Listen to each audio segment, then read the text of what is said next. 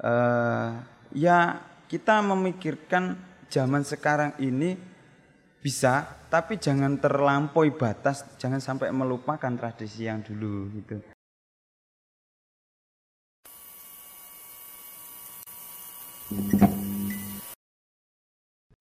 Assalamualaikum warahmatullahi wabarakatuh. Kembali lagi uh, bersama kami di podcast Purworejo dengan bintang tamu yang berbeda kali ini. Uh, bintang tamu kali ini saya perkenalkan terlebih dahulu. Beliau adalah Bapak Muhammad Badroni. Beliau selaku Ketua Ansor Desa Purworejo dan beliau juga alumni dari IPNU IPPNU Desa Purworejo. Uh, bagaimana kabarnya? Ya, alhamdulillah hari ini sehat-sehat semuanya walaupun ter uh, apa dampak Covid-19 tetap sehat, tetap semangat. Alhamdulillah. Iya. uh, untuk pertanyaan pembukaan, uh, bagaimana menurut Bapak pengertian dari Ibnu IPPNU? Uh, Bismillahirrahmanirrahim.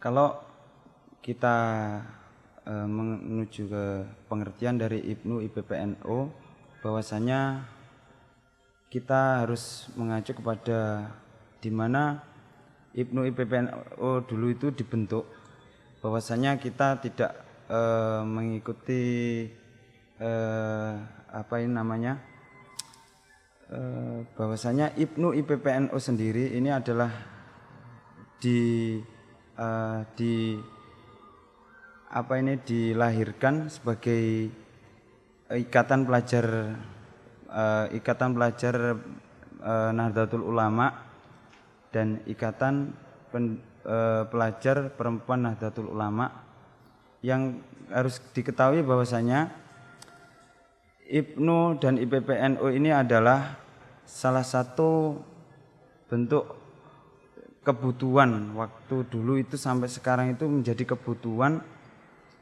menjadi eh, badan otonomnya dari Nahdlatul Ulama dari yang bersifat eh, keterpelajaran yang bersifat kekeluargaan yang bersifat kemasyarakatan dan yang bersifat keagamaan. Itu kalau menurut Bapak. Mungkin. Uh, terus kalau menurut panjenengan Ibnu IPPNU itu tradisional atau modern? Uh, karena banyak orang yang menganggap Ibnu IPPNU sebagai organisasi tradisional, di mana kita hanya mengurus tradisi para pendahulu gitu Pak. Perlu dimengerti oleh para pelajar uh, Ibnu IPPNU bahwasanya Ibnu ini adalah IPNU dan IPPNU ini adalah bukan lagi uh, menjadi uh, uh, keterpelajaran yang ti, uh, tidak butuh ilmu tetapi membutuhkan ilmu yang bersifat kemasyarakatan. Artinya gini, sejak dulu memang dikatakan IPNU IPPNU ini adalah tradisional memang karena apa? menjadi eh, kebutuhan waktu dulu itu eh, sebagai eh, kaderisasi Nahdlatul Ulama waktu dulu. Makanya di situ Ibnu IPPNU ini dilahirkan untuk menjawab bahwasanya lahirlah kader-kader Nahdlatul Ulama gitu. Saya kira Berarti Ibnu IPPNU itu mencakup modern juga tradisional gitu. Ya. Kalau menjawab kemodernannya saya ini lebih kepada kita mengikuti zaman. Karena di, di dalamnya pasti kita mengikuti tren eh, Indonesia saat ini ber eh, apa ini namanya? topiknya tentang apa? Pasti zaman sekarang dengan zaman yang dulu itu Ibnu itu berbeda eh, apa realitasnya itu juga berbeda. Sekarang ini harus mengikuti eh, apa ini mengikuti zaman tren sekarang. Sekarang, sekarang ini anak-anak eh, apa ini namanya Ibnu IPPNU itu tidak dianggap sebelah mata, tapi lebih kreatif juga karena ada pelatihan-pelatihan di dalamnya. Uh, bagaimana menurut panjenengan eksistensi IPNU IPPNU di era sekarang ini? Luar biasa karena saya melihat di Kecamatan Unut saja uh, khususnya di Purworejo juga uh, sekarang ini tidak kita pungkiri bahwasanya uh, ada era digital, ada era uh, milenial. Sekarang itu anak-anak uh, itu lebih apa? Ibnu itu ini lebih apa ini? rekan-rekan uh, Ibnu lah dan rekan-rekan IPPNU ini lebih lebih kreatif lagi untuk apa? Lebih kreatif dan berkualitas untuk menjawab tantangan zaman sekarang. Karena apa? Dia harus berkembang harus bisa me, apa ini? Harus bisa e, bisa digital lah intinya. Bahkan bisa harus lebih berkualitas lagi seperti buat e, akun di apa ya Sosial Instagram media. ya sosial media. Sekarang ini kan sudah apa ini namanya sudah sudah hack atau lebih anu lagi. Misal apa status apa bisa dimunculkan ini? Uh, untuk selanjutnya bagaimana perkembangan IPNU IPPNU di era tradisional ke era modern? Bahwasanya tidak mungkin ya eh, rekan-rekan uh, IPNU IPPNU uh, kalian harus mempunyai uh, apa ini sebuah kegiatan yang di mana uh, tidak melupakan tradisi nenek moyang kita, maksudnya kader-kader Nahdlatul Ulama yang dulu. Misal contoh, kita jangan sampai uh, di era sekarang ini melupakan yang namanya tradisi tradisi yang di mana dulu itu juga dikembangkan langsung oleh para para pendiri Nahdlatul Ulama. Seperti contoh saja tahlilan, yasinan, manakipan itu kalau bisa ya dikembangkan di era sekarang. Entah nanti dikemas seperti apa bisa, dimasukkan ke program apa bisa. Harus kreatif, loyalitas uh, Ibnu Ibnu sekarang harusnya. Uh, misal contoh dimasukkan di Mexos tahlilan bersama bisa. Yang intinya jangan sampai melupakan eh, apa ini namanya tidak jangan sampai melupakan eh, tradisi-tradisi yang dulu yang sudah dibawa oleh Hadrotus Syekh sendiri juga. Eh, berarti kita boleh mengikuti uh, era saat ini tapi harus melihat tradisi-tradisi ya, yang lalu gitu ya. Ini Mas. sebuah uh, kebutuhan juga bahwasanya kita tidak jangan sampai melupakan lah. Uh, ya kita memikirkan zaman sekarang ini bisa, tapi jangan terlampaui batas, jangan sampai melupakan tradisi yang dulu gitu, yeah. yang sudah dibawa oleh para kader-kader Nahdlatul Ulama. Yeah. Untuk selanjutnya, apa dampak positif dan negatif ketika ikut IPNU IPPNU? Dampak negatifnya saya kira hari ini banyak uh, para para uh, pembuat anu ya apa ini namanya program. Itu biasanya uh, tidak tidak mungkin tidak menarik lah mungkin mungkin. Karena apa? Harus berkreativitas uh, lagi untuk me, apa ya, me, menjawab tantangan zaman sekarang. Saya kira itu cuma itu saja karena Eh, anak-anak sekarang itu dibutuhkan sangat bagaimana ya kita menarik uh, teman-teman itu masuk ke Ibnu. Ya. Dampak positifnya saya kira kita kalau melihat uh, apa ini namanya uh, tanggung jawab ya kalau kita melihat tanggung jawab kita tidak lepas dari tanggung jawab karena apa eh, lahirnya Ibnu IPPNU ini adalah kebutuhan yang yang insya Allah nanti kader-kadernya akan menjadi pemimpin bagi masyarakatnya dan juga dan juga bangsanya mungkin nanti insya Allah. Ini positifnya karena di dalamnya nanti itu pasti ada pelatihan-pelatihan yang di situ ada pelatihan kepemimpinan, ada pelatihan e, sosial kemasyarakatan, terus ada ekonomi itu nanti bisa menopang di situ semuanya. Insya Allah kalau ikut Ibnu IPPNU tidak menyesal lah. Ini menjadi apa? Garda yang menjadi kebutuhan kader Nahdlatul Ulama nanti. Itu yang insya Allah nanti akan bisa masuk ke Nahdlatul Ulama. Sing yang mau ngopeni Nahdlatul Ulama itu. Berarti banyak sekali ya Pak dampak positif dari Iya, insya Allah lebih banyak positifnya daripada negatifnya. Iya. Amin. Iya. Itu perkembangan dalam bidang apa saja yang paling melejit dalam organisasi IPNU IPPNU di era modern ini?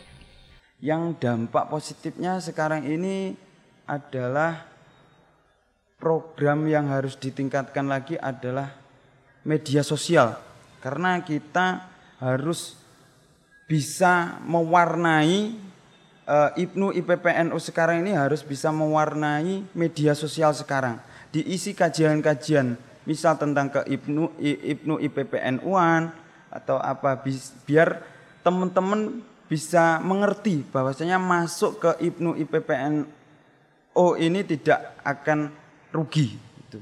Insya Allah gitu. Untuk pertanyaan selanjutnya, bagaimana cara IPNU IPPNU agar mampu memberikan gerakan partisipatif di zaman modern ini? Eh, ini yang saya tunggu-tunggu. Eh, gerakan positif yang harus dilaksanakan oleh eh, para rekan-rekan IPNU dan IPPNU, bahwasanya hari ini kan eh, merap, me, apa ini wabah COVID-19 COVID ini. Ya ini harus bisa mewarnai bagaimana eh, teman-teman uh, ini bergabung di uh, aliansi yang ada di masyarakat. Bisa membantu uh, teman-teman yang di mana dapat program misal contoh hari ini kan contoh harus apa ya harus uh, kemanusiaan lah intinya kemanusiaan ini menjawab kemanusiaan yang ada di masyarakat situ. Karena eh, ini ini hari eh, orang-orang eh, ini ketakutan akan virus tersebut. Nah, ini ini harus harus muncul. Ibnu dan IPPNU harus muncul sebagai badan eh, apa ini namanya semi otonomnya eh, Nahdlatul Ulama. Yang nanti akan melestarikan juga eh, Nahdlatul Ulamanya. Makanya dari itu mungkin program ini dimasukkan ke Mixos. Ini eh, bahwasanya rekan dan rekan IPNU dan IPPNO dari ranting mana bisa masuk ikut berkecimpung untuk mengatasi uh, wabah seperti ini. Berarti kita sebisa mungkin harus membantu masyarakat gitu ya, iya, Pak ya. Ikut kita tidak lepas di samping kita ini sebagai bersifat keterpelajaran juga bersifat sosialnya itu harus melekat iya uh, apa yang dilakukan kader IPNU IPPNU agar tetap eksis tetapi tetap pada jalurnya dan tidak mengunggulkan apa yang sudah diajarkan oleh para pendahulu. Iya, betul. uh, di sam gini ya, untuk menjawab pertanyaan rekanita bahwasanya eh, pelajar IPNU dan IPPNU ini di, eh, sudah mempelajari yang namanya eh, apa ini eh, tentang eh, isi daripada eh, pergerakan IPNU dan IPPNU tersebut. Karena eh, di dalam materi tersebut itu pasti dijelaskan kita ini tidak lepas dari akidah ahli sunnah wal jamaah. Ini menjadi apa?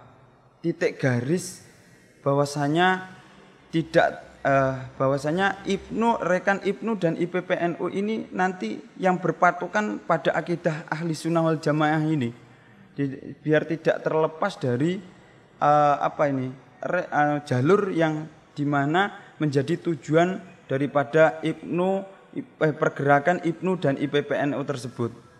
Eh, apa ini menjadi garis bawah dari mana kita harus memegang terus akidah ahli sunnah wal jamaah.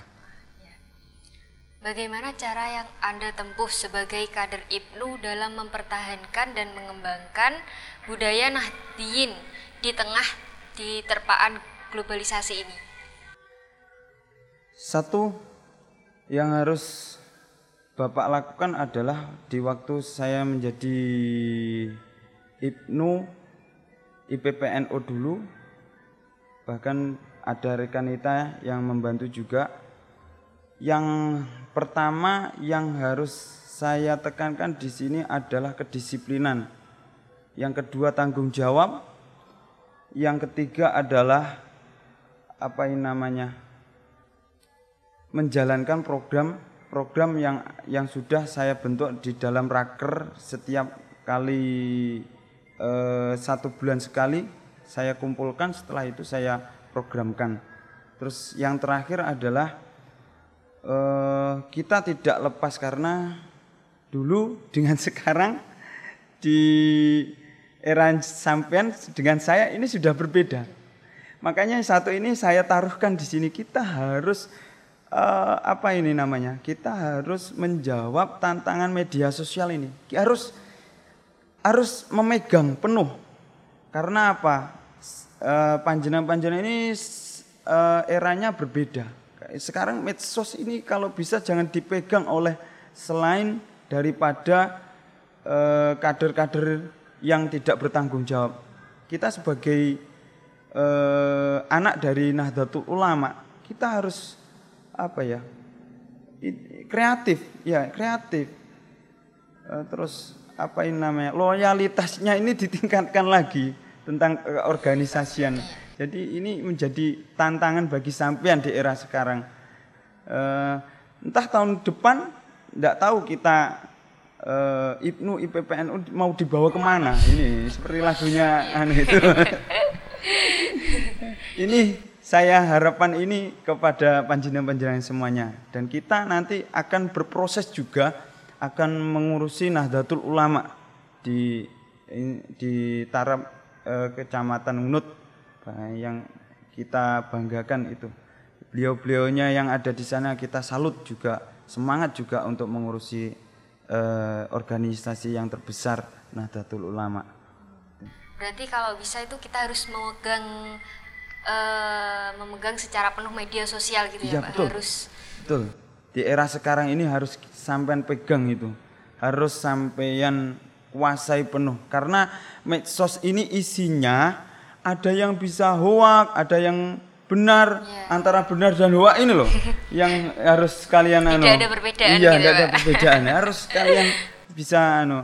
Kalau bisa nanti di Ibnu IPPN harus belajar menjadi cyber apa itu Ibnu IPPN ini harus ada itu yeah. untuk mengatasi kehukuman tentang apalagi nanti ke organisasi Ibnu IPPNU dilecehkan. Ini kan kalian itu harus siap menjawab itu. Bahwasanya Ikatan Pelajar Nahdlatul Ulama ini penting. Ini adalah salah satu organisasi di Indonesia yang menjadi banom daripada Nahdlatul Ulama. Iya, gitu. siap. Dan yang terakhir Pak, pesan Anda untuk generasi muda sekarang ini? Pesan Bapak eh, apa ya?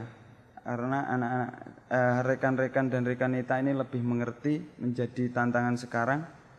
Pesannya Bapak cuma satu, tetap berjuang, tetap belajar, tetap eh, apa ini namanya? Loyalitasnya itu ditingkatkan untuk organisasi yang di mana nanti akan menjadi kader-kader Nahdlatul Ulama. Gitu. Jadi rekan-rekan kita sekalian, kesimpulan yang dapat kita ambil dari apa yang telah disampaikan oleh Bapak Muhammad Badruni adalah kita sebagai uh, generasi Ibnu IPPNU di era milenial sekarang ini harus tetap menjaga tradisi-tradisi yang ditinggalkan oleh generasi-generasi pendahulu. Kita harus lebih merimek lagi sesuai dengan perkembangan zaman saat ini. Dan kita harus menguasai dunia media sosial dengan memasukkan kreativitas dan akidah kita sebagai Ibnu IPPNU yang berahlus sunnah wal jamaah. Sekian, terima kasih. Wassalamualaikum warahmatullahi wabarakatuh. Waalaikumsalam warahmatullahi wabarakatuh.